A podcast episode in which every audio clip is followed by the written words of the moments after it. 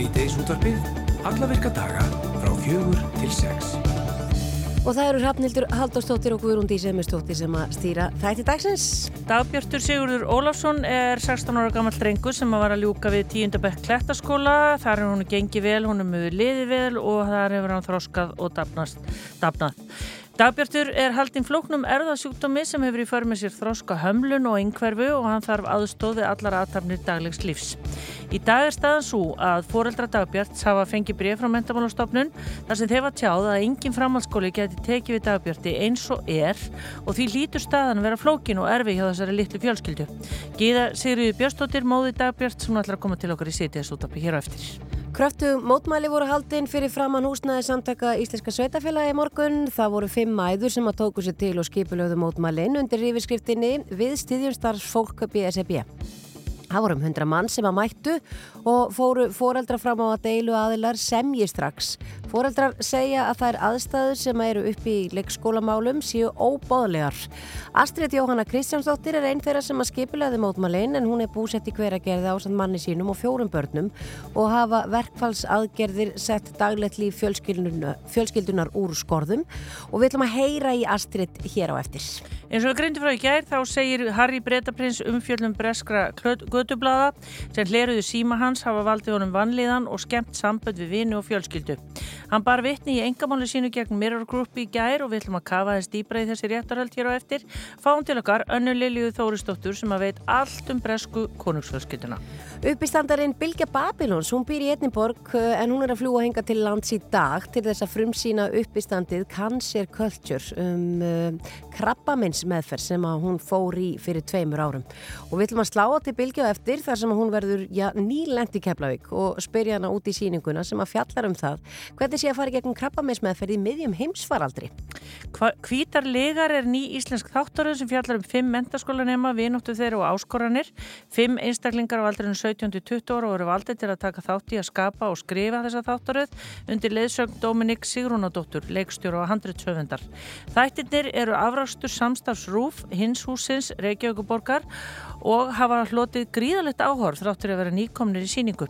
Agnes Væld, teimistjóri hjá Krakkarúf, Ágúst Örd Börgensen leikari sem leikur Almar og Kristín Agnes Maguire sem leikur Rudd þau ætla að koma til okkur eftir og segja okkur betur frá.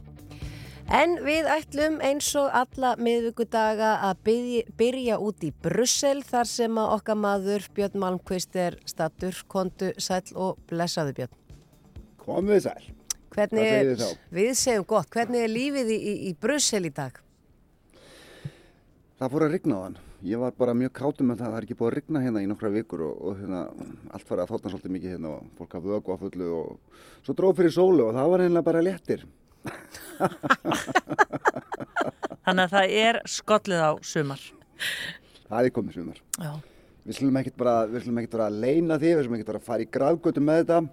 Það er komið sumar hér á meilandinu og, og bara, það verður bara að vera þannig og, og, og fólk verður bara að sækja hinga eða vil fá gott veður. Þa, sko það er að segja að fólk í Reykjavík, ég veit að fólk fyrir austan er að, er að njóta sumarblíðunar og hefur verið að gera það síðustu vikunar. Já. Ég talaði við sýstu mína í Neskvistafum daginn og hún var búin að vera bara úti á stuðbúsum í marga daga í röð sko. Já, einmitt. Þú hefur verið svolítið duglegur, Björn, að bara svona fara um þannig hérna nærlíkjandi svæði.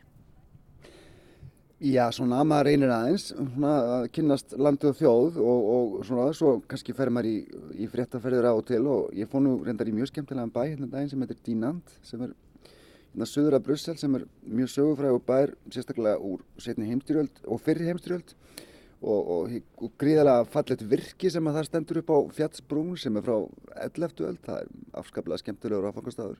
Svo fór ég til Hollands um síðustu helgi reyndar í vinnunni í, í, til Eindhoven til þess að fylgjast með úslendileg meistaradildar uh, kvenna í fótbolta þar sem að Sveindis Jane Jónsdóttir var að spila með sínu liði.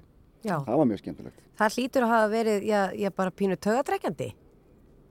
Það var, þetta var hörkuleikur sko, það, bara eins og fram hefur komið sko, Wolfsburg var náttúrulega svona svolítið allavega á pappirnum veikara liðið sko, Barcelona er náttúrulega gríðarlega stert lið uh, og er endara efst á styrkleikanlista hvernig í, í Európu og þannig að það er svona, uh, þannig leitaði út í byrjun en, en, en, en, en stelpurnar Svandís og þær, þær Sveindi segja, þær, þær, hérna, þær, sko- þær skoruðu sérst, fyrstu tvömörkin og komum gríðarlega óvart í fyrirháleik og voru bara mjög sprækar og svo einhvern veginn brotnaði þetta aðeins í uh, svona brotnaði vörnina að smá stund í, í, hérna, í uppæfi setni áleiks og, og það var til þess að hérna, það spænsku skoruðu tvö mörg og svo það þrýða í lókleiks þannig að þetta voru ákveðin og já, bara mikil vonbreiði fyrir Wolfsburg og, og Sveindísi en hún var alveg brött í, í leikslokk og það var líka óbúslega gaman að fylgjast með því hvað, hvað umgjörðunum en að leik var bara rosalega flott sko. Já, þetta er þetta bara orðið nánast sambarilegt sem gerist í, í kallaboltanu sem er svo frábært. Já, ég menna að það, veist, enda kannski ekki fyrir það, menna það var 35.000 manns á svona leik og, og hérna, minnum bæri maður fullar á stöðnismennum, minna, spánverðin er náttúrulega miklu, miklu, ef að segja, tilfinningaheitari heldur en þjóðverðallir, það kannski kemur ekki óvart. Gengum, gengum Eindhoven bæin og, hérna með fána og sungu og, og hérna og skemmtu sér. Þjóðverðinir voru svona aðeins meira svona að halda sér til hljés en voru samt með trómur og svona skemmtileg heitin en sátu, þeir, þeir sátu á einhverjum börum hana aðeins til liðaði við miðbæin og þar, það, þanga fór ég til að hitta sjálfsögðu Íslendingarnir sem voru þarna, þar er meðal foreldrar Sveindísar og, og hérna kæristennar og nokkrir vinnir þeirra sem voru þarna sem voru náttúrulega allir komnir í Treyfu Wolfsburg og, og hérna mætt á leikin en uh, Eindhoven er, er ansi, ansi skemmtilegu bær og, og það, er, það er gaman að koma á þetta þetta er svona alveg erketypiskur hollenskur, þú veist, marflatur allir á hjólum, allir á hjólum mjög mikið af flottum svona, svona fallega hönnum byggingum bara, já, svona Holland eins og, með, eins og maður ímyndir sér Holland Já. En hvernig er það? Er Sveindís orðin það stór í boltanum hérna úti að ef að þú til dæmis ert bara hérna á pöpnum og kynniðir sem Björn og segist vera I'm from Iceland að þá koma allir, já, do you know Sveindís Jane? Bara svona eins og ef maður myndi lendi þegar Eðursmári var rosa stór og maður fótt til London. Nei, það er, það er stuttasvarið. Allavega ekki hér í Brussel. Uh, hins vegar það ekki allir Good Johnson hér í Brussel þótt hann hafi ekki spilað hérna í hvað, 20 ára eða eitthvað. En nei, Sveindís er held ég ekki komin á þann stall. Hún spilaði hins vegar allan leikin fyrir Wolfsburg og var bara mjög sagt, mikilvægur partur af þeirra liði og, og ég held að sko, hennar róður í kvennaboltanum í Evrópu á ekkert á, á ekkert að gera neitt nema að vaksa sko ef, að, ef að hún sérst, verður heldur áfram hósköttuð og, og allt það og hérna, ég meina hún sagði líka eftir leikin að hún ætlaði sér sko 100% að mæta aftur í þennan úslutuleik og og sigran, þannig að ég, sko, hún á framtíðina fyrir sér og það, það kemur sá tími að, að maður kynir sér frá Íslandi og, og þá segir fólk, þekkir þú sveitis í ég er alveg vissum það. Já, svo náttúrulega stórmót í hvernaboltan bara, það er hverjum mánuður í það. Hérna í Belgíu? Nei, er ekki Evrópumótið í, veit ég, veit ekki, hver er þetta haldið? Þú veit, nú ert að reyka á gat. Já, líkar hann Já Nei, ég... Einar sem ég veit er að sko úlingalandslið, U19 er að koma hingað, það er íslenska. já. þær er að koma hingað og spila í, í Evrópumistra-keppninni sem verður haldinn hérna í Belgíu og þær spila hérna í litlum bæn söður af Brussel og hérna ég fer öruglega þangað til að fylgjast með. Annarkort bara, þú veist, ef ekki í vinnunni þá bara sem sko stöðnismæður bara mæti með fánan og, og, og hérna hvetur sína konur áfram að sjálfsögðu. Já, ég meina sína litmaður, koma hann, það er ekki hægt annað. Sko. Það er svolítið þannig. Ja. En þú fórst og, og hittir sendiherra? Herðu, ég fór til Amsterdam í gær. Það er nú ekki langt að fara, svo sem að, kannski þrý tíma með lestinni og hérna, þannig að ég skrappi í gær morgun uh, til Amsterdam og svo var svo komin heima aftur í gærkvöldi til þess að hitta sendiherra Íslands í Belgíu. sem, að, sem að hljóma rundalega en hann er sérst líka sendið hér að Íslands gagvart, eða sérst sendir á Íslands gagvart Hollandi er hérna í Brussel. Við erum ekki með sérst að sendir á því í, í Hollandi. Þannig að sko sendir á því hér bætti nú úr því allavega tímabundið með því að gera svolítið sem að auðvaríkistjóðaristan hefur ekki gert áður. Og það var að setja upp svona ég er búin að vera að velta fyrir mig hvað þetta heitir á íslensku svona pop-up sendiráð eins og maður setur svona pop-up búðir, Já. svona skyndibúðir eða tímabundna búðir. Og þeir gerðu það í, í litlu galleri sem er bara niður við eitt af síkjónum í, í miðborg Amsterdam. Og það var alveg bara dásamlega skemmtileg stemning þar, þetta, er, þetta var opnaði gerðsins og stendur fram eftir vikunni fram á helgi. Og ég reddi aðeins við hann Kristján Andra Stefánsson, hann er sendið þeirra Íslands í Hollandi, það sjálfsögðu, hann var hann ekki að erum hér eitthvað hann að segja. Kristján, þetta er, þetta er nýjunga það ekki svona pop-up sendiráð sem er hvað að opna hérna tímabundið í Amsterdam í hvað, fimm daga eða svo?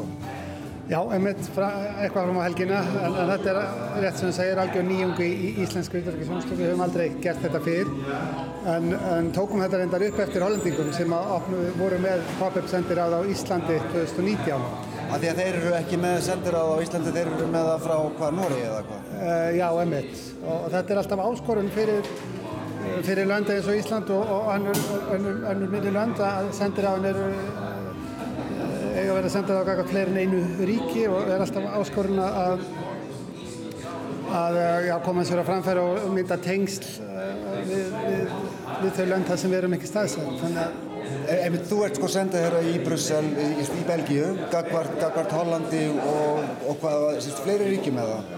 Já, Gagvart sem sagt Belgíu, tvílega Gagvart Belgíu, Hollandi, Luxemburg og, og San Marino en þó aðalega Gagvart Európa-sambandinu verðum að segja þetta mestu, mestu kraftuði fyrir það. Akkurat. Þetta, svona, þetta sendiráð hér í Amsterdam, þetta tímabundna sendiráð, hvað, hvað mun gerast hér? Þetta er rauninni, við höfum tekið á leigu hérna lítið lokal þar sem við erum með myndlistarsýningu og, og, og tækifæri til þess að vera með rauð viðbyrða og þessum til þess að gera stutta tíma. Bæði menningar viðbyrða en, en líka viðskipta viðbyrða þar sem við fókusirum á, á, á annars vegar jarðhildana hins vegar ferðarþjónustuna. Er ákveðið tækifæri til þess að, ná til samfélagsins hérna á, á svona kraftmikinn hátt á, á mörgum tíma. En þetta líka, og það má ekki glema því, við, erum, við höfum tekið með okkur svona búnaði eins og, og við erum með í, í Hærbjörnum sendiræðum til þess að gefa Íslandingum kleipt að sækjum vegabref. Þannig að við erum líka að, að, skapa tengsl við Íslandinga byggðina hér í Hollandi sem er, er eina af þeim ja, stærri í, í útlandum. Við setjum þessi tíunda stærsta Íslandinga Íslandinga byggðin Íslandinga nýlandanum sem árið komast hérna í, í Hollandi og ég hlakka líka til að, að mynda styrka tengslinn við þau. Þá blasir líka við að spyrja, af hverju eru ekki með sendiráð í Hollandi? Ég býstum við að það séum bara forgangsröðin sem, sem ræður. Og, uh, það, það er nú til þess að gera auðvelt að þjóna Hollandi frá, frá Belgíu, vegalendir ekki, ekki landar og, og, og það er ekki við þær fjarlæðir að glíma sem er, við annar staðar. Hérna verður, uh, sko, eins og þú sagðir, það var hérna allir dæmis áðan, þá vorum við að horfa á, á kynningu Íslandsstofu, hvort sko, ferðarþjónustæðurum í Hollandi sem er að selja ferðir til Íslands, en það verður líka menningarefni hér, hér eru myndlistarsýning á morgun, ekki sagt? Einmitt og þetta er við að höfum við unni í, í, í samverðinu við menningar, útlötingsmiðstöðar hérna mismöndi menningargreina þannig að kynningum eins og íslenska myndlistar uh, stendur að þessari myndlistarsýningu með okkur hér.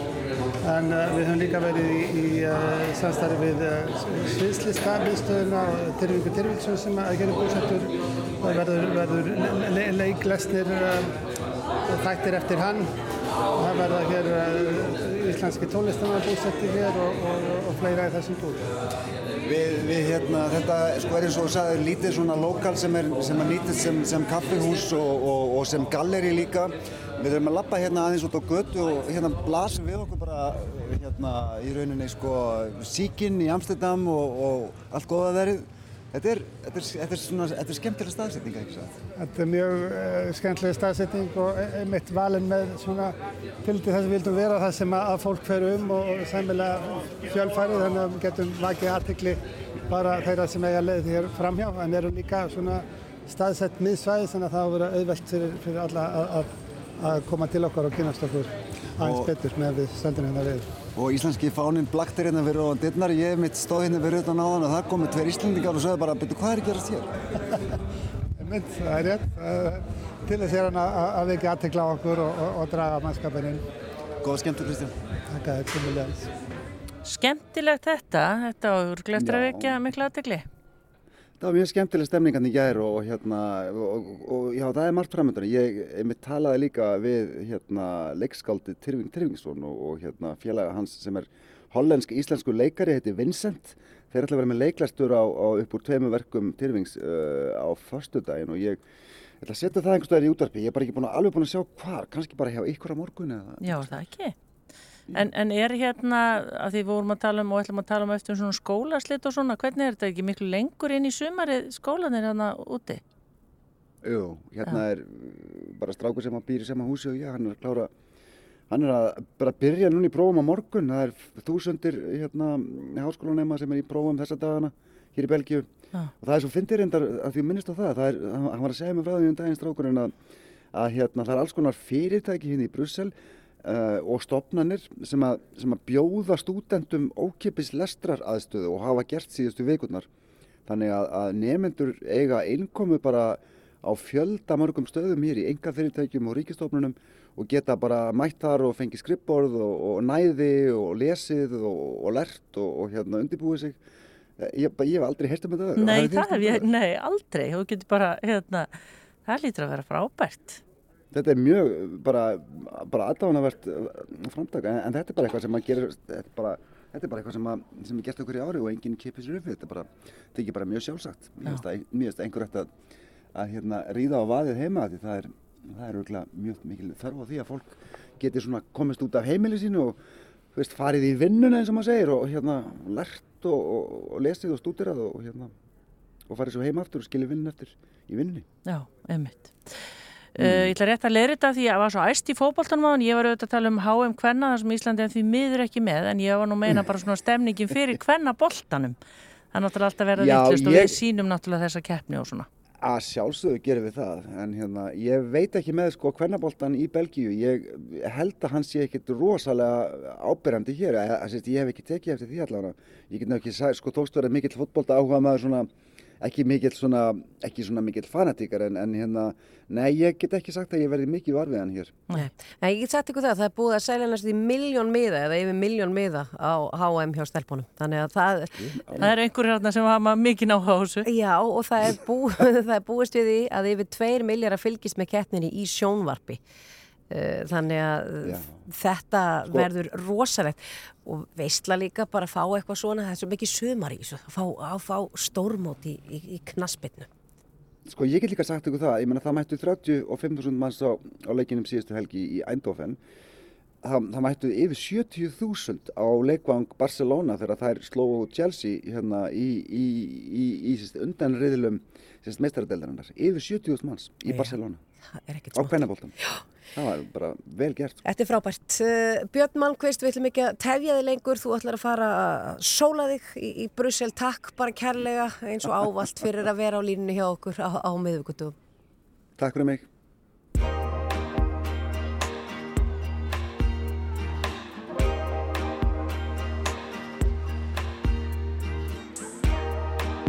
Langar í pick-up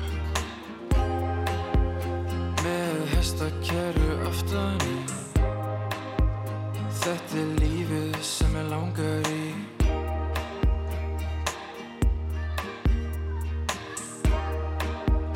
Kynnast konu sjálf sem að elska líka hund og vín. Þetta er lífið sem ég langar í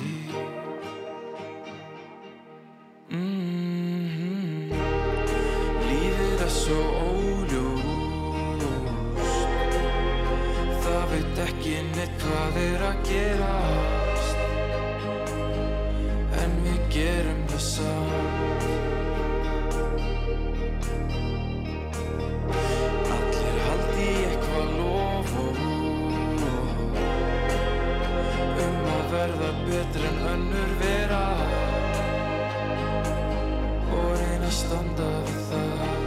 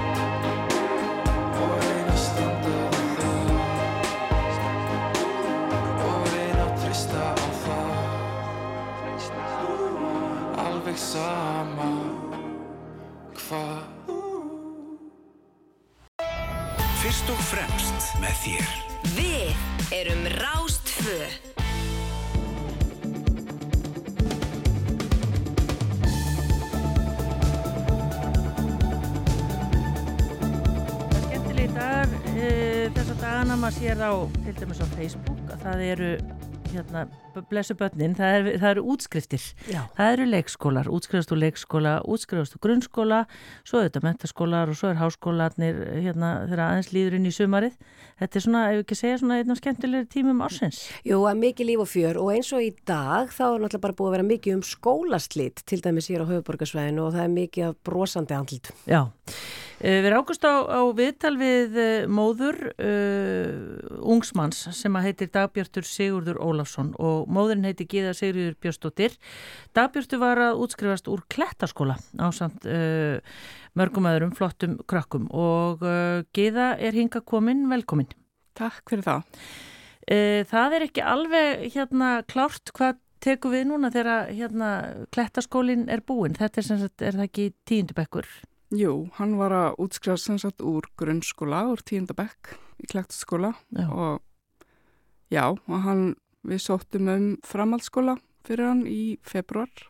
Það er sótt um ekstra snemma á, á svona starfsbröðir um, og við höfum bara fengið þau svör að það sé ekki búið að finna pláss fyrir hann, sé ennþá verið að, að hérna, bara skoða hvað sé hægt að gera og það eru fleiri í þessari sömu stöðu Já. af hans samnefndum í klættaskóla og svo veit ég reyndar að það er sko á fjórðatug sem að býður eftir að fá pláss á starfsbröð sem útskrifuðust á undan dagbjörti. Eh, sem er að útskrifast núna líka en ekki, ekki kannski í klættaskóla eru kannski þeir sem eru með mestu þarfinnar og svona hérna, þurfa mestu þjónustuna skulum við segja en það eru þetta sérdeldir í mörgum skólum þannig að það eru börn þaðan líka sem Já. að þurfa pláss Þetta lítur að skapa bara mikla óvissu og svona, já, þetta er auðvitað daldið óþægilegt að vita ekki hvað taki við þegar hann er búin að vera í góðum höndum í klettaskóla. Eh, Hvernig hefur það gengið þar? Það hefur nefnilega bara gengið mjög vel og já, þetta er náttúrulega bara mjög mikil óvisa því að dagbjartur eins og þau börn sem eru með honum þar eru bara eins og hann, hann getur ekki verið einn. Hann þarf alltaf að hafa mannin með sér. Uh, ég skil hann ekkit eftir einan heima og fer í vinnuna eða eitthvað þess að þar. Hvernig föllun er dagbjörtu með? Uh, hann er með, það heitir uh, heilkenni brotgjarns X, þetta er sem sagt svona erða galli á X-litningi sem að í hans tilfiki veldur alvarlegri þróskahamlun og engverfu.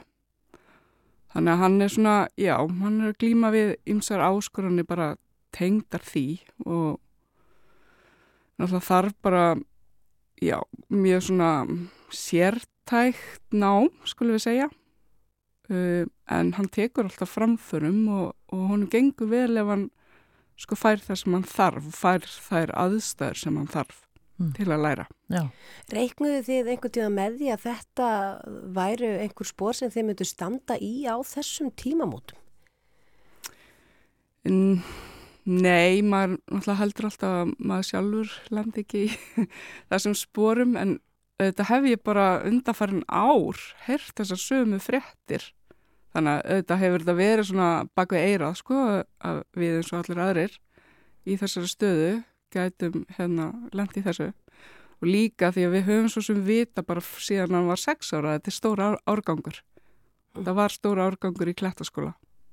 En hvaða svör færðu að því til dæmis ef við förum bara í lögum framhaldsskóla þá er hérna 30. önnu grein sem að segir þeir sem loki af að grunnskólanámi hafa hlutið jafngild að umdyrstuðu mentun eða hafa náð 16 ára aldri eiga rétt á að hefja nám í framhaldsskóla og uh, þeir uh, sem rétt eiga á að hefja nám í framhaldsskóla samkvæmt málskrun þessari eiga jafnfant rétt á því að stunda nám í framhaldsskóla til 18 ára aldurs því að dagbertur er náttúrulega bara ennþá barn. Emitt. Já, við hefum bara fengið þau sögur og það sé verið að, að hérna, reyna að finna lausnir á þessu hvort sem það verður að, að búa til fleiri pláss í þeim skólum sem eru nú þegar með svona starfsbröytir eða hvort það þarf að koma til eitthvað nýtt úrræði. Ég er svo sem hef ekkert fengið uh, neitt mjög skýrsvör um það. Ég veit bara þetta er skoðun og Uh, síðast sem ég heyri frá mentamálastofnu var að þeir, þeir byggðu þar eftir upplýsingum frá mentamála ráðuneyti og það vantalega snörti þá fjármagn, vist ég við. En ég menna, sko, er þetta ekki einhvern veginn mikil brotalum að það er einhvern veginn, það er enginn keðja þannig í gangi, það tekur einhvern veginn ekkit almennlegt við? Jú, manni finnst þetta mjög bara skrítið af því eins og hann til dæmis er bara búin að vera hluti af þessu síðan að var eins og hálsás. Uh, þá fór hann inn í ráðgjafur og greiningastöð, fekk greiningu og það er bara búið að vera þekkt síðan þá að hann er með alvarlega þroskahamlun og mun þurfa bara mjög sértækt nám í sínu, sínu lífi. Sko. Þá ekki þurfa að koma óvart þegar hann er búið með tíundabekk? Nei, algjörlega og sömu leiðis að sé bara eitt þriðji af þeim sem eru að útskrifast núna úr klættaskóla sem er ekki með plás. Mér finnst þetta mjög sérstakt. Já, ef við hugsaum þetta bara þannig að uh, já, ég veldi fyrir mér að því að hann er 16 ára gamall, þarna er gluggi, tveggja ára gluggi þar til hann verður þá fullorðin. Hvaða úrræði eru í bóði önnur þar að segja ef hann vildi ekki fara í skóla en hann vil fara í skóla? Hvað tekur við? Ég bara reynilega veit ekki. Ég veit svo sem ekki um neyn úrræði, önnur sko.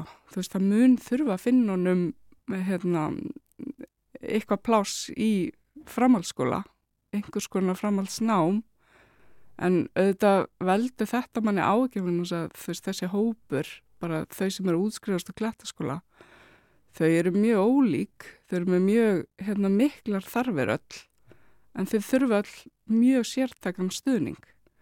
Þannig að það, það er ekkit, þú veist, þú bara hristir ekkit fram á erminni svona úrraði. Þetta þarf að undirbúa vel og þetta þarf að standa mjög vel að þessu og hann getur blómstra ef hann fær réttu kvartninguna en hann getur líka bara staðið algjörlega í stað ef hann fær ekki það sem hann þarf. Mm. Og það er eins og þú segir áðan sko, það er búið að vera að vita alveg síðan að fær greininguna eins og hálsás að Já. þetta er svona Já. og það á ekki að þurfa að koma óvart. Nei, það á ekki að þurfa að koma neinum óvart og þetta er ekki það stór hópur að það sé ekki einhvern veginn hægt að halda utan um þetta, myndi ég halda. Og núna er júni, uh, það er mjög stutt í að, í að skólar hefjist að nýju þótt við séum að tala um að þeir sé að hætta og hefur að slíta skóla í dag. Hvað sérðu fyrir þeir í, í framhaldinu? Þeir eru náttúrulega bæði í fullri vinnu eða hvað? Já, við erum reynda korut alveg í fullri vinnu því að það er hérna, ansið mikið skipulag sem fylgir því að eiga barn sem þarf mikið stöning en jú, við erum samt bæði í vinnu og uh, hann er í frístund uh, í klættaskóla núna í sumar en svo hann bara í lók ágúst að þá við erum, veitum við ekki Og það hlýtur að hafa bara áhrif á hans andlegu heilsu ef hann einangrast og, og er ekki kringum aðra og, og er ekki stundan á? Já, sko, það myndi duga í eina viku þá hérna þá verður við farin að hlaupa upp, upp um veggi og alls konar sko. þetta, það náttúrulega bara gengur aldrei upp. En já, það verður eitthvað að gerast. Já, þetta eru tveir skólar sem þið eru búin að fá svar frá að það sé verið að skoða þetta þessi alls ekki vístan komist inn. Er einhver fleiri skólar eða sem getur sótt um eða hvernig Sko, maður sækir um sagt, fyrsta og annað val uh, og við erum búin að fá bara skýrt frá þeim skóla þar sem við sóttum um sem fyrsta val. FA, já. Já, að hann komist ekki inn þar vegna þess að þau eru búin að fjölga plássum eins og þau geta. Voru 22 sem sóttum þann skóla sem fyrsta val og ég held að það hafi samtals verið þrjú pláss sko, sem að losnuðu fyrir þau sem eru með þessar miklu þarfir. Og ég held að það hafi bætt ykkur um fimm. Nú ég þetta með fyrirvara, ég man ekki alveg nákvæmlega tölunar, en, en FA er allavega búin að stíga eitthvað skref, ég veit ekki með aðra skóla, en þeir eru þetta sérhafa sér líka svolítið í sko uh, hvaða uh, svona hóp þeir eru að sinna. FB til dæmis sem er skólinn sem er bara nánastu hliðin á okkur, hann er með svona getur meiri krakka sem eru hérna, já, betur stödd geta svona hugsa eða séðum sér sjálfur fríminundum og svo leiðis þannig að hann myndi aldrei til dæmis passa þarinn. En svo sótuðum borgarhaldsskóla líka Já, við sótuðum borgarhaldsskóla Og hvaða sör hafið þið fengið það? Uh, ég hef svo sem ekki herrt beint frá þeim skóla ennþá. Þannig að ég veit svo sem ekki hvort að það er eitthvað, eitthvað að vera að skoða fjölgaplásum þar eða í öðrum skólum. Það bara er mm. óljóst fyrir mér allavega. Getur þú einhvern veginn sagt okkur bara rétt í lókingi eða ég menna þið vantilega sofið ekki alveg róleg? Nei, við svona tíminn líður rætt sko þannig að já, það, mér finnst bara mjög erfitt að fara inn í svona sumarfrí með þetta einhvern veginn óljóst því að líf okkar svolítið veldur allt á því að rútínan sé bara mjög svona skýr. Allir sem að koma að hans þjónustu sé einhvern veginn að, að hérna e, já sinnunum með þeim hætti sem þarf því að um leið og það einhvern veginn klikkar á einum stað að þá fer til dæmis all hefðun úr skorðum og þá eru við að glýma bara við alls konar áskorunni sem að hérna, eru óþarfar og hann vanlega náttúrulega Já. þannig að þetta er svo mikilvægt að þetta sé einhvern veginn allt saman að að vinna saman. Og svo að það sé sagt og ég vitni aftur hérna í lög um uh, framhaldsskóla og það er 34. grein nefnundum með sérþarfir á framhaldsskólastíki skal veita nefnundum með föllun uh, um málefni fallars fólks og nefndum með tilfinningarlega eða félagslega örðuleika kennslu og sérstaklega stuðning í námi, látin skal í tíu sérfræðilega aðstóð og viðiðandi aðbúnaður eftir því sem þörf krefur og nefndum með föllun skulu stunda nám við hlið annara nefnda eftir því sem kostur er. Þetta er alveg kýr skýrt. Við bara sendum baróttu hverju til ykkar og takk hella fyrir að koma í síðdeis út af byggji eða Sigriði Björnstóttir, móðir Dagbjörns Sigurðar Ólafssonar sem eins og kom fram hérna áður býður eh, enn eftir að fá pláss í framhaldsskóla uh, við sitt hæfi. Bara gangi ykkur vel fjölskyldinni í þessari baróttu. Takk fyrir það.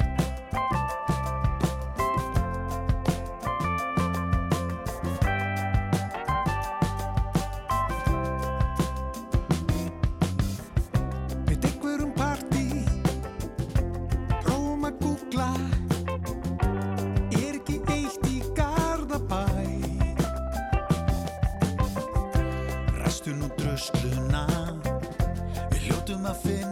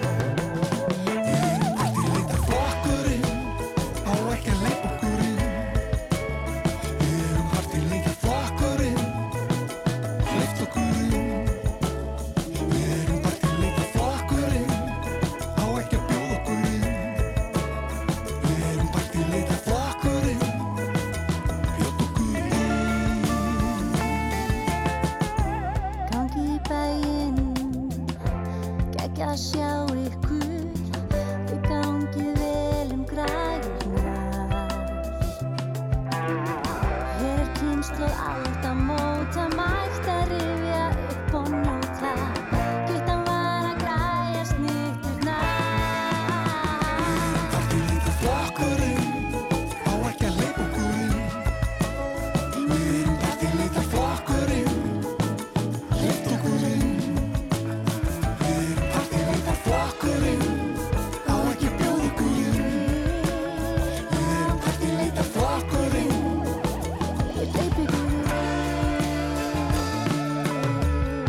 Birgitta Haugdal og Baggalútur og lag sem heitir Parti leitaflokkurinn.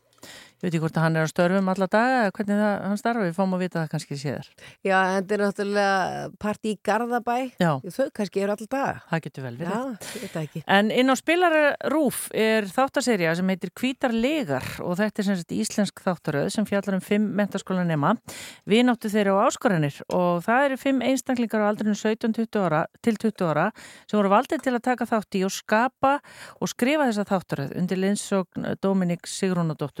er leikstjóri og handritsöfundur og þetta er afrastu samstags Rúf, hins húsins og Reykjavíkuborgar og það, þeirra var nú þegar hlotið gríðalegt áhorf eiga að fara svo í línulega dagskrá í júni þau eru komninga Agnes Væld teimistjóri hjá, krak, hjá Krakkarúf Ágúst Örn Börgensen Víkum sem er leikur Almar og Kristín Agnes Maguire sem leikur Rut. Verið öll velkomin. Takk fyrir.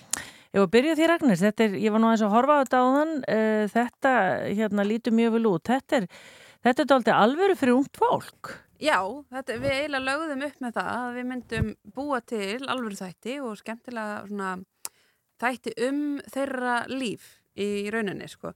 og fengum þannig til okkar hópakrökkum vorum með ungt fólk sem skrifar ungt fólk sem leikur fyrir ungt fólk þannig að þetta er svolítið um þeirra líf og, og það sem að ungt fólk nú til dags er að uh, takast á við í Já, rauninni. þannig þetta er sem sagt samtímasaga. Já, Aha. algjörlega Og er það væntalega kannski, já, maður skilur ekki alltaf alveg allt sem að ung fólk segir. Það er svona annað lingó ef ég ætla bara að sletta hérna Já. sem er mjög gott þá væntalega og ungar fólki tengir þá kannski betur við þess að Í, í algjörlega og mér finnst ég vera rosa ung sko, ég er þrítug og ég er rosa gömul þegar ég, þegar ég vinn með þeim sko og, og en það sem er svo fallegt að því að maður læri svo mikið af bara að sjá hvað er að gerast og svo er líka margt aðna þar sem maður hugsar oh, já, það var, þetta var algjörlega svona þegar ég verið mentaskóla sko. Já, en, en, það hefur ekki mikið breyst getur það væntalega líka verið gott fyrir okkur rísælunar hérna og gana fólki að horfa og til þess að skilja kannski bara þess betur hugarheim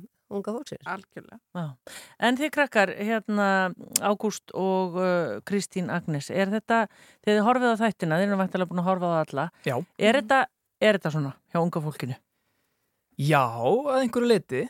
Auðvitað er, er allir hérna upplifa sinn úlingar umveruleika öðruvísi en ég held að sé svolítið margt sem að kemur fram í þessum þáttum sem að alveg spilar inn í að mörgu leiti Mhm. lífið hjá mö- mörgum úlingum myndi ég að segja sko. En þóttu þetta sé líka svona byggt á okkar eigin reynslu þá held ég að þetta sé líka bara fyrir þú veist alla aldirsópa. Ég held að alveg líka eldri fólk getur alveg tengt við þetta þú veist að vera úlingur og allt það sem gerist á þessum aldri. Klálega. Það er engin að hlusta á mann þegar maður er ólingur. Nóg. mann engin. Nei, nei. Nei. En menna, aðeins að skapandi skrifum, er þetta búið að vera bara draumur ykkar allar tíð að, að fá að, að gera eitthvað svona? Já, ég tala fyrir mig því að segja alveg klálega sko. Já, ég var aldrei búin að hugsa út í að þú veist að vera í neinu svona í, að hérna taka þátt í að skrifa en já, mér fannst það bara ótrúlega gaman og veist, þetta er svo allt öðruvísi heldur en að fara í eitthvað verkefni sem er skrifað fyrir mann og maður fer í það verkefni þar sem það er hérna bara allt tilbúið Einmitt. og maður er bara leikur þann karakter sem var gerður fyrir mann frekar en að maður e- er með að þú veist búa til hennan karakter og þá svona, já En, en leiklistin, hva, hvaðan kemur hún hjá ykkur til dæmis? Við tala fyrir þig, Ágúst. Já, ég, ég byrjaði í leikhúsinu, þjóðleikhúsinu þegar ég var sjö ára og fekk að leika þar svolítið um, og síðan bara svolítið vatt það upp á sig og fekk fleiri tækifæri og, og verkefni og, og svona, en ég hef verið aldrei tekið þátt í að skrifa eitthvað frá grunni. Þetta er alveg fyrsta þar sko. Mhm. Já, Ég hef alltaf haft alveg, þú veist, mikinn áhuga á leiklist og haft gaman að því að leika en ég hef aldrei verið í neinu, ég hef aldrei hérna leikið í neinu eða tekið þátt í neinu. Þannig þetta var alveg bara svona fyrsta bara alveg Mm. Já, en finnst ykkur líka bara það sé komið tími til eins og bara til dæmis hjá Rúf að, Mm. að hérna gefa þessum einhvern veginn hópi svolítið meiri gauðum, það er kannski oflítið af efni fyrir einmitt þennan hóp. Já, klárlega Já, alveg klálega sko og ég meina áhorfin sína það kannski að bara það er uh, já, nægur uh, áhugi fyrir svona efni og það er klálega hægt að fara lengra í uh, svona skrifum, þátta uh, skrifum og En það snýst líka ekki bara um að um, að búa til efni fyrir þennan aldurshóp, heldur líka bara að gera ungt fólk sínilegra í dagskrá uh, fjölmiðla. Einmitt, það sem Að- meina, sko. Að tala við fólk sem er ungt og tala, leifa þeirra röddum að heyrast að þau eru alveg með mjög mikla skoðanir á lífinu og öllu sem er að gerast í samfélaginu Já. Og mjög mikilvægar skoðanir. Að Eru þið ekki ána með hvernig þetta hefur farið að stað? Jú, þetta er æðislegt. Þetta er í rauninni fyrsta sinn sem að við, sem sagt, e, krakkarúf eða ungrúf er að e, lonsa svona serju á netinu bara, áður en við förum með hann í línulega. Hvar hafið þið verið að kynna þetta? Á TikTok. Já. Þess vegna er þetta orðið svona vinsæl strax maður. Já, þetta er, það er eini stað, þetta er einn einn trailer í sjónvarpinu, en annars er þetta eiginlega bara auðlist á TikTok, eða ekki auðlist, við bara sínum klippur úr þáttunum Mm. og e, s- e, það er mjög mikil áhorf á þær klippur og þannig heyra krakkinir af þessu og fara og tjekka á þessu á spilarinu Já. okkar. Og þetta eru hvað margir þætti núna? Þetta eru fjórir þættir, þetta eru kortislangir, þannig að þú getur hort á þetta allt, þú getur hámhort á þetta Já, á já. klukkutíma. Það er nú ekki Og verður framhald á, er eitthvað búið að ákveða það? Það er góð spurning. Já. Allavega á einhverju svona verkefni, hvort sem það er þessi saga eða einhver önnur, að það er mjög mikilvægt að, að fá, fá krakkana til þess að skrifa og skapa, því þau þekki þetta miklu betur.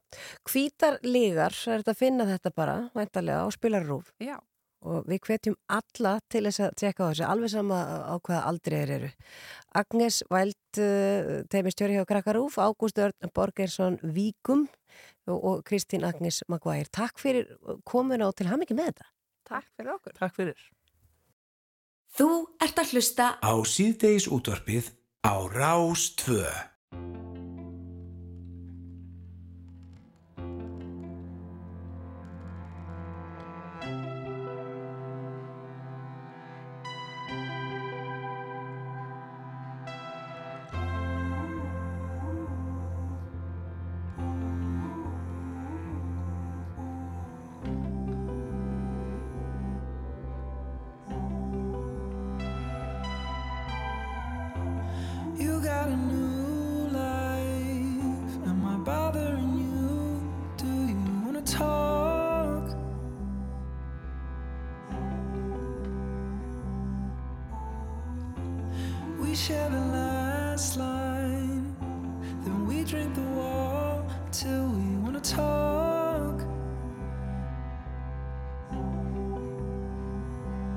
I go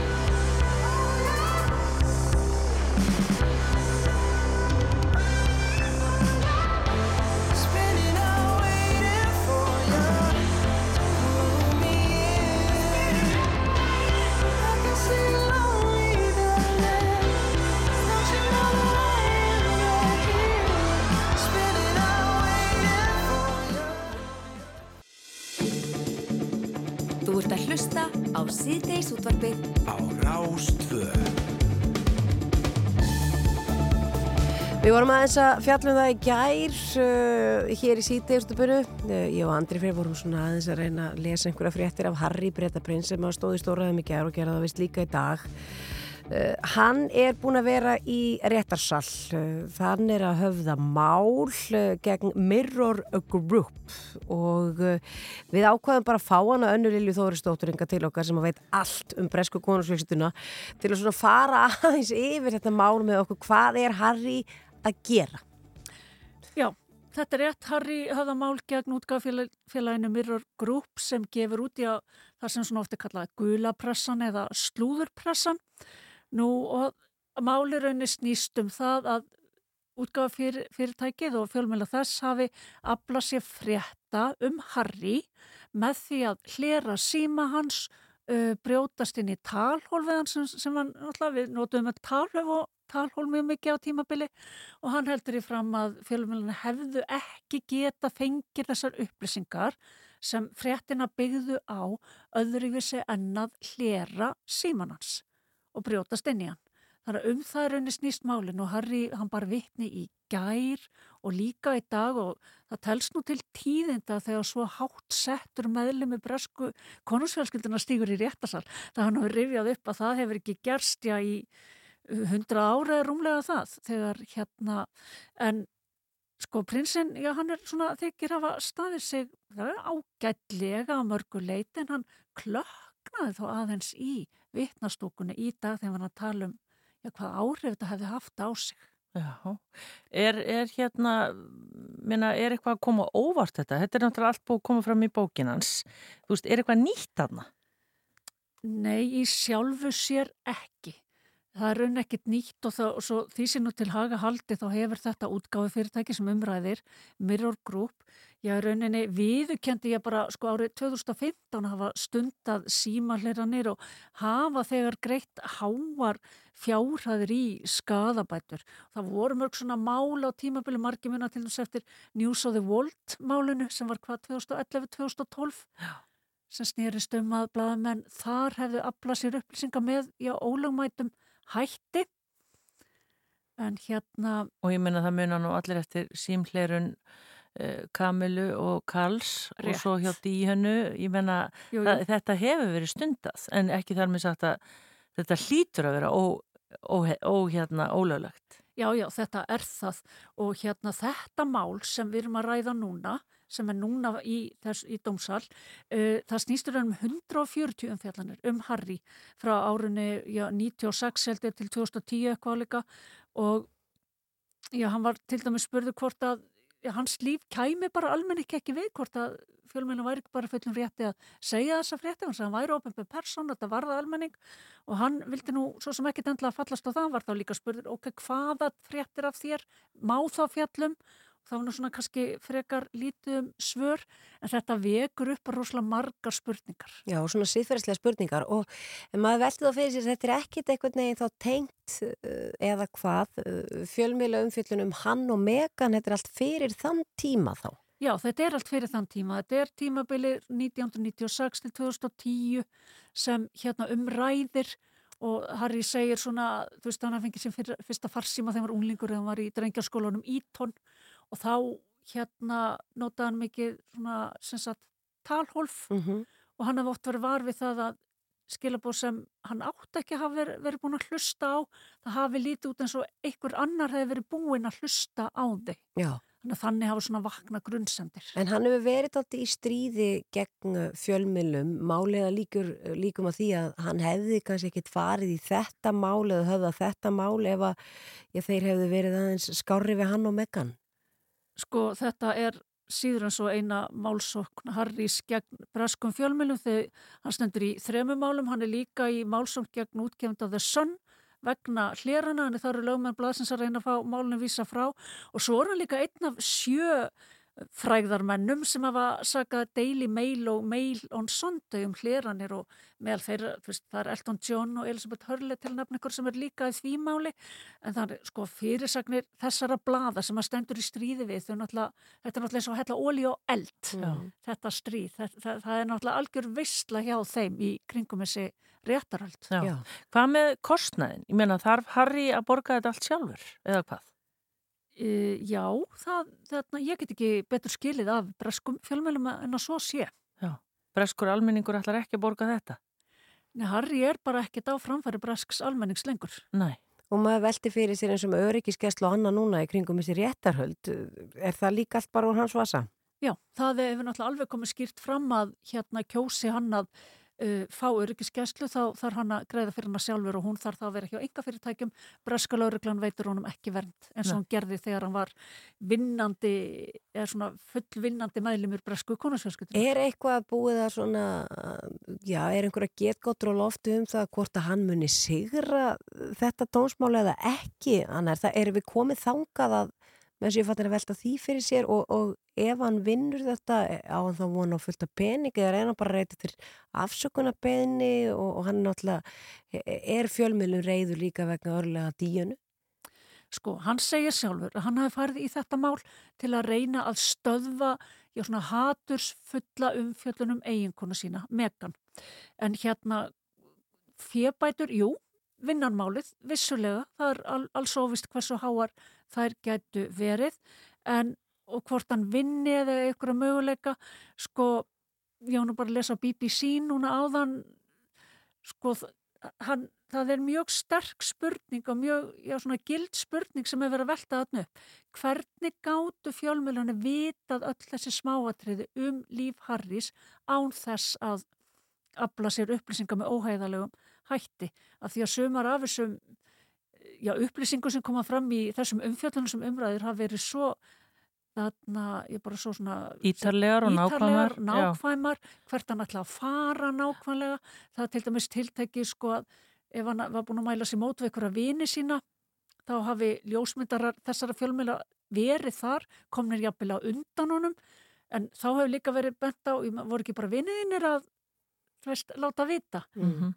þannig að þetta er, þetta er erfitt mál og hérna gæti verið virkilega erfitt að sanna þetta fyrir Harry og hans lögman En hvað erum við að tala um í tímarama? Þetta getur þú kannski ekki sagt nákvæmlega til um það, en ég meina, er þetta margra mánaða prósess eða hvað, er eitthvað spáð í það?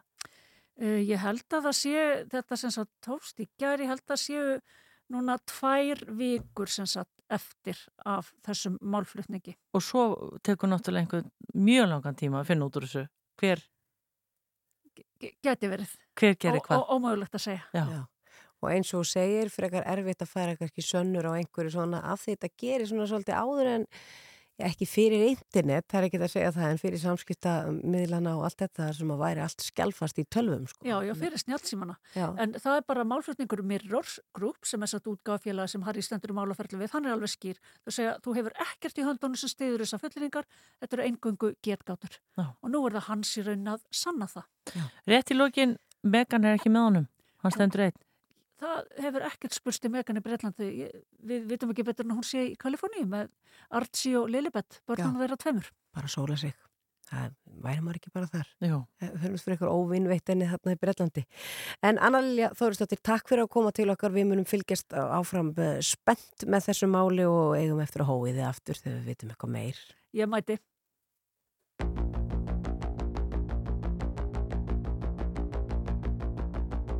you see me walking down the street, staring at the sky and dragging my two feet. You just pass me by, it still makes me cry, but you can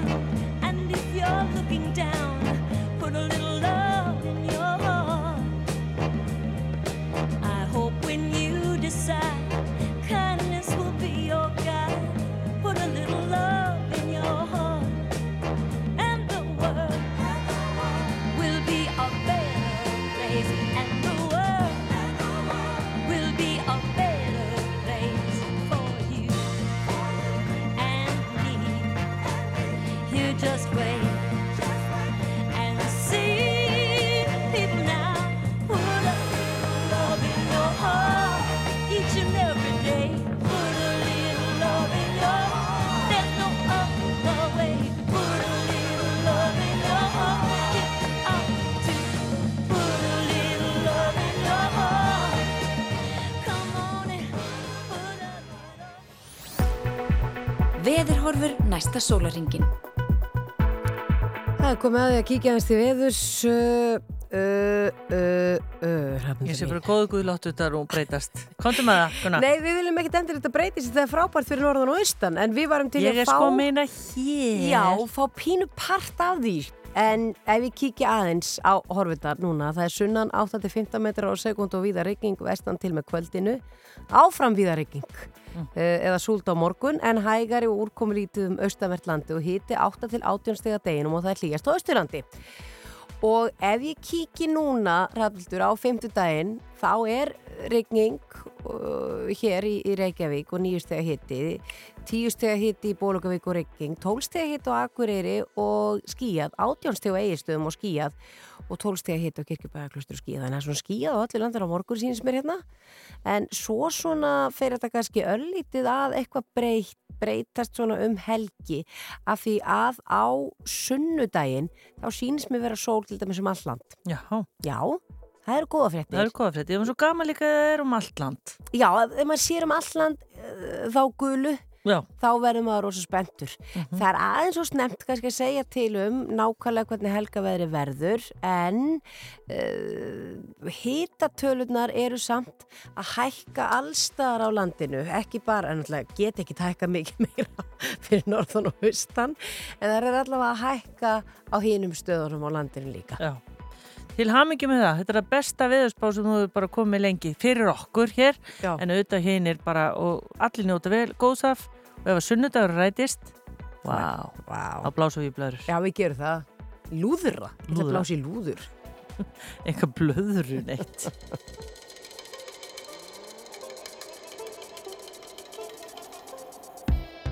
Sumarið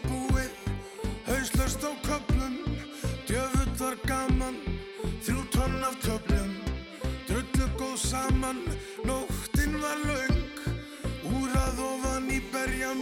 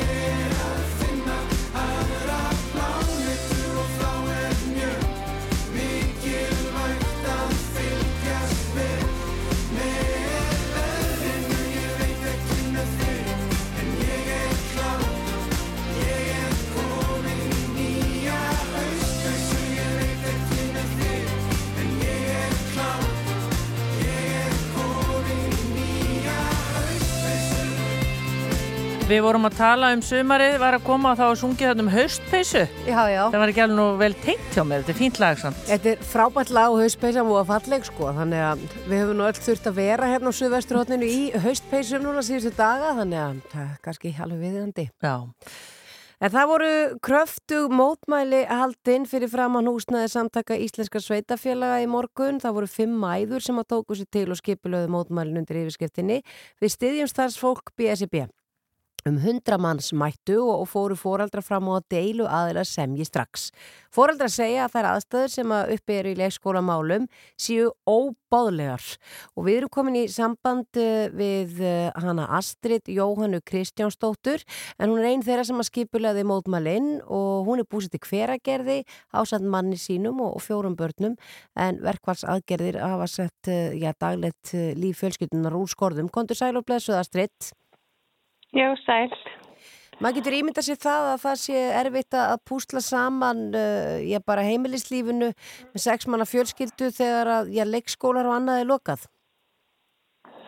Já, það er alveg svolítið mikið snúið sko og líka það sem ég er með batnabrjósti og maður er ekkert alltaf að hlaupa eftir leikskólabatninu þegar maður er með batnabrjósti þannig að það getur verið alveg flókið svo að maður er að skuttla hinnum hingað og þangað og, og hérna, já, þetta, þetta er alveg bara flókið sko, ég hérna verða ekki það, ég er alveg Ég er alveg svolítið hörða mér en þetta er alveg svolítið að buga mann og við erum alveg svolítið þreytt af mömmunar. Við viljum bara fara að sjá að sé, við viljum bara að sé sami við fólki sem að er að vinna með börnunum okkar. Og ég, yeah. ég er svo ána með leikskólan. Ég bara elska hana leikskóla og starfsmennina. Bara barnið mitt elskar þetta og, og hún er alveg svona í rútinleysinu og, og hérna spyr mér bara hvað dagur í dag og skilur ekkert í þessu verkfalli. En þið eru enda, enda kemur þetta fram að þið eru sem sagt að styðja starfsfólki BSB. Já, við gerum það og mér finnst bara löngu tímabært að þetta fólk fái bara laun fyrir sína vinnu sem er bara, já, bara fyrir þeirra sjálfsverðingu vegna þess að þess, þetta er bara fólki sem heldur okkur á vinnumarkaðanum konunum, sko. Mm. Annars væru við bara heima, veist, og hérna færum bara aftur tilbaka í tímanum, sko. Þannig að hérna, ég vil bara hafa þetta í lagi og þú veist, ég minna, við erum bara að tala um við erum bara að tala um að hækka launin þessar fólk sem á það skilir sko. Og líka sérstaklega að sé eins og millist jættafélag. Það er nú bara lámart og sveitafélag að það sé ekki verið að greiða fólki misjafna mikið. Þetta sé bara eins fyrir alla sem er að sinna sem vinninni og það er það sem okkur fannst svo óriðlátt. Þess vegna fannst okkur bara við verið að knúna til þess að mótmála þessu. Ég er ekki mótmála týpa, ég mæti því miður öruglega of á mótmáli en, en mér fannst ég bara þurfa að segja eitthvað. Það sem þetta snýra börnunum líka og þeirra líðan. En Astrid, þið þarna takið ykkur nokkrar saman og farið og mótmælið fyrir framánhúsnaði samtaka Íslenska Sveitafélaga. Finnst ykkur þetta verkfall í raun og veru vera að fá nógu mikla aðtikli og verið að bregðast einhvern veginn nógu mikið við þessu? Nei og það er það sem ég hafði ágraf vegna þess að ég veit alveg hvernig þetta er. Þetta byrjaði bara þannig að ömmunna gripi bara boltan sko. Þetta var bara ósýnilegt. Eins og er svo oft með svona kvenleg störfi eða svona já, þetta kvenlega. Það bara hverfur inn í, því að það er alltaf einhverju ömmur eða mömmur í fæðingarlu sem grýpa boltan og sjást kannski ekki nógu vel og við ákveðum bara að láta heyri í okkur því að við erum þetta og þetta bytnar á okkur og þetta bytnar á öllum í samfélaginu sumir þurfa að taka börnin sín í vinnuna og ég veit alveg hvernig þetta, þetta er bara mjög misjáft af millið fólks sumir hafa mikið bakland og ömmur sem að passa En ég meina það er líka rétt á sínum, ég meina það hafa alltaf sín réttindi og líka bara börnin sérstaklega. Þú veist, þau eiga réttindi á því að vera, þetta er skólasti og við þurfum að fara að virða þessi störf meira. Þeim. Það er bara þannig. Var einhver sem opnaði gluggan eða hörð þetta hjá samtökum Íslenskra sveitafélagi í morgun? Hann kom formaðurinn og talaði við hana Ester og hérna, já, og þau buði okkur upp á, buði upp á kaffi og hérna keks og, og djús og Og við vonum bara það besta. Veist, ég vil bara sjá að það sé samið við fólki.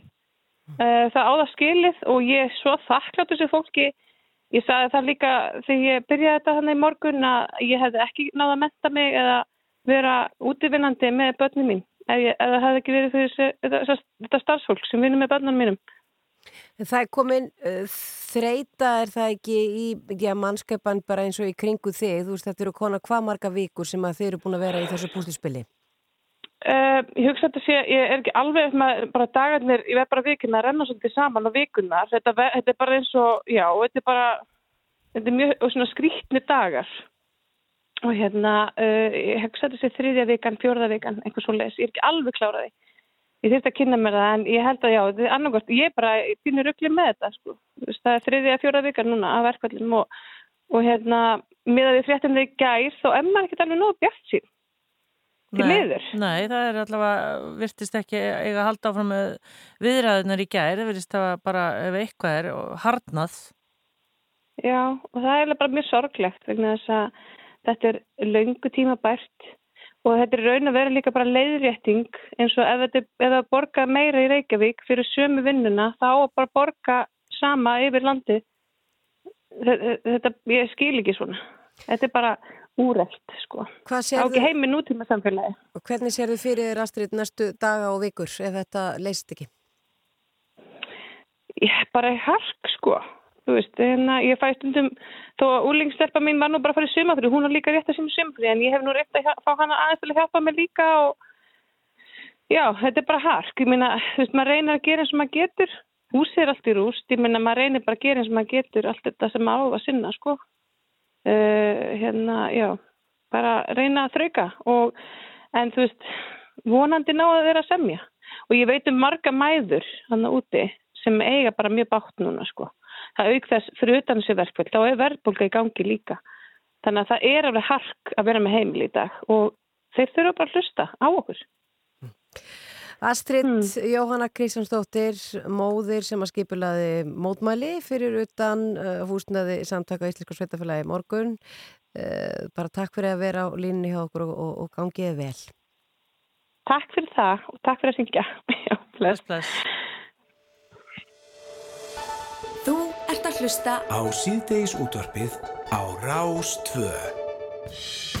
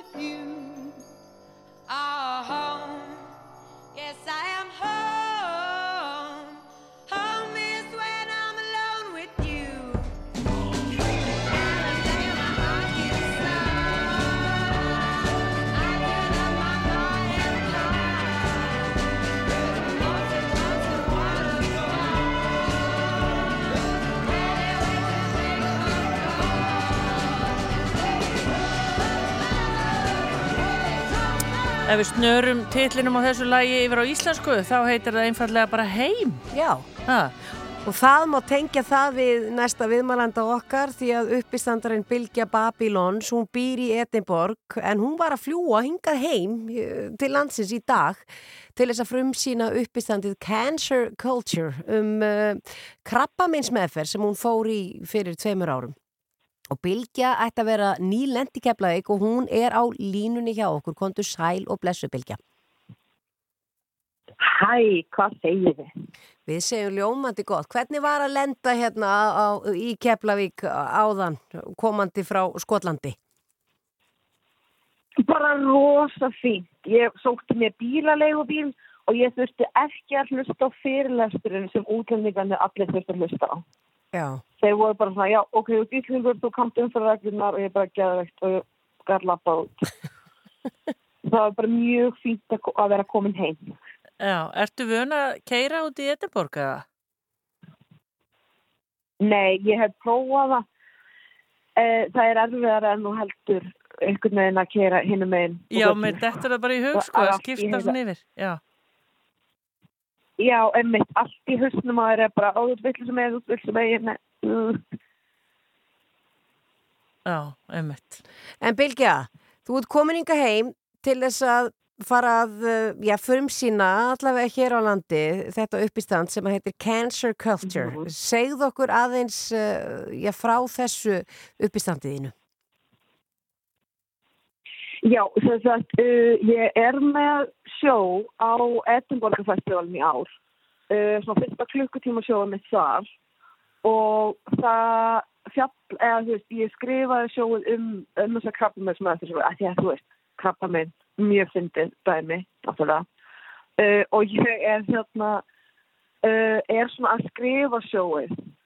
Þannig að það sem ég ætla að gera í þjóðlíkuskjallarinn á fyrstu daginn, þá eru fjórir uppistandara með mér frá Skotlandi og þau ætla að taka eitthvað svona smá og svo eftir hlýja ætla ég að vera með svona 40 mínútur af svona, þetta er kallað work in progress, þar sem ég er svona að prófa brandarana að ég er með svona sjóið svona næstu tilbúið en ekki alveg 100%. Já. En er það um það að hafa fengið krabba minn og gangi gegnum það? Já, það er um uh, krabba og það er svo margt, það er, þú veist, einhvern veginn, það er svo fyndið að því að krabba minn, eða ekki fyndið, það, það er bara svona staðreind að við þekkjum öll einhvern sem að hefur gengið í gegnum krabba minn sem að það er en þetta er samt eitthvað svona og fólk er alltaf að spyrja mig hitta eitthvað svona, já, hvernig hvernig ertu núna?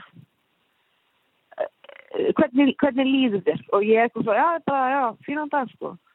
Uh, það, það, það má aldrei segja orðið krabba minn, skiljið mig Já, þetta er tabú daldið, að tala um krabba minn Já, einmitt, þetta er rosa tabú þannig ég einmitt alltaf tala um bara hvernig skap harundust að mér og og alls konar svona eitthvað syndið dæmi í kringum þetta. En þú fegst krabba meginn í og varst að kljástu það í miðjum heimsfaraldri. Það hlýtur líka að hafa verið svona hálgerðu farsi út af fyrir sig. Já og, og ég hef líka sko eftir á var ég bara æg, þetta var auðvitað bara fínt að fólk var það ekkert að ónára mig sko. Ég var bara svona gert sín í friði einhvern veginn. Uh, en einmitt það var samt alveg fyndið að því að, svo, að því að núna þegar ég fer upp að hér að það er eftirlit og svona að því að sko hvorki ég nýja hjúkurnar sem voru svona mest með mér höfðum séð sko framann hverju aðra að þau voru alltaf allir með grímur þannig að ég var eitthvað svona þekkti bara rattirnar þeirra Já, akkurat Mm -hmm. Þetta er ótrúlega. En þú ætla þá að vera með þetta upp í stand uh, á uh, förstu daginn, mm -hmm. uh, vera með það væntalega á ennsku ef þú ert að fara að sína þetta úti eða hvað? Já, það er nefnilega hólið og mér líður svona hálf bjánulega með það sko, af því að skotinir alltaf sem er vannir, þau ætla að gera sitt á ennsku og af því að sjóið í Edinborg er á ennsku, þannig ég hugleiti svona hvort ég ætti að síða það og eitthvað, ég ákvað bara veginn að gera það ekki það, það er, þú veist, það er fullt af uh, fullt af fólk sem býr á Íslandi sem er þú veist, ennskumælandi og, og við skiljum all ennsku þannig að ég að þurfa bara að komast yfir bjánafallin sem er kannski svona í byrjun eitthvað skrítið að vera í þjóðlíkurskallaranum að tala ennsku. Já, en kannski eðlilegt að æfa brandarana á ennsku ef þú ert að fara að fara með á kortið þér á þessu sjói í Edinborg. Já, það er mínum það, sko, er mitt. Ég get ekki verið mikið að uh, já, grínast á íslensku í Edinborg, það er ekki alveg öfiskur, sko. Nei. Herru, við hvetjum bara fólk til þess að tjekka á, á þér í þjóðlíkurskjallarunum á föstaskvöldið og við ætlum ekki að tröflaði lengur, við ætlum að fara að leifa þar að njóta veðublíðunar og dásendarnar hérna á Íslandi og, Já. fara að kaupa var fyrir þúsu að kall og svona. Ha. Nákvæmlega, ég er ekkert að koma úr, þú veist, það er búin að vera átjón gráður og eitthvað úti, sko, Já, og já. bara sól og bara hittabilgja. Já, já. Þannig að þetta er ánægilegt. Þetta er gott að kæla sig aðeins niður Bilge Babylons, bara takk fyrir að vera á línni hjá okkur og gangiði vel á fyrstu daginn. Takk fyrir það. Bless, bless. Síðdeis útvarpið. Á Rástfö.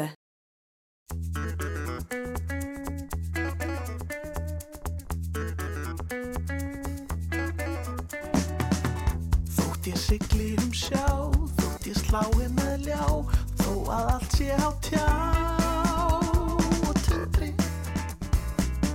Þá ég ánægju á, ást og hamingi þrá, ljúft er lífið mér hjá,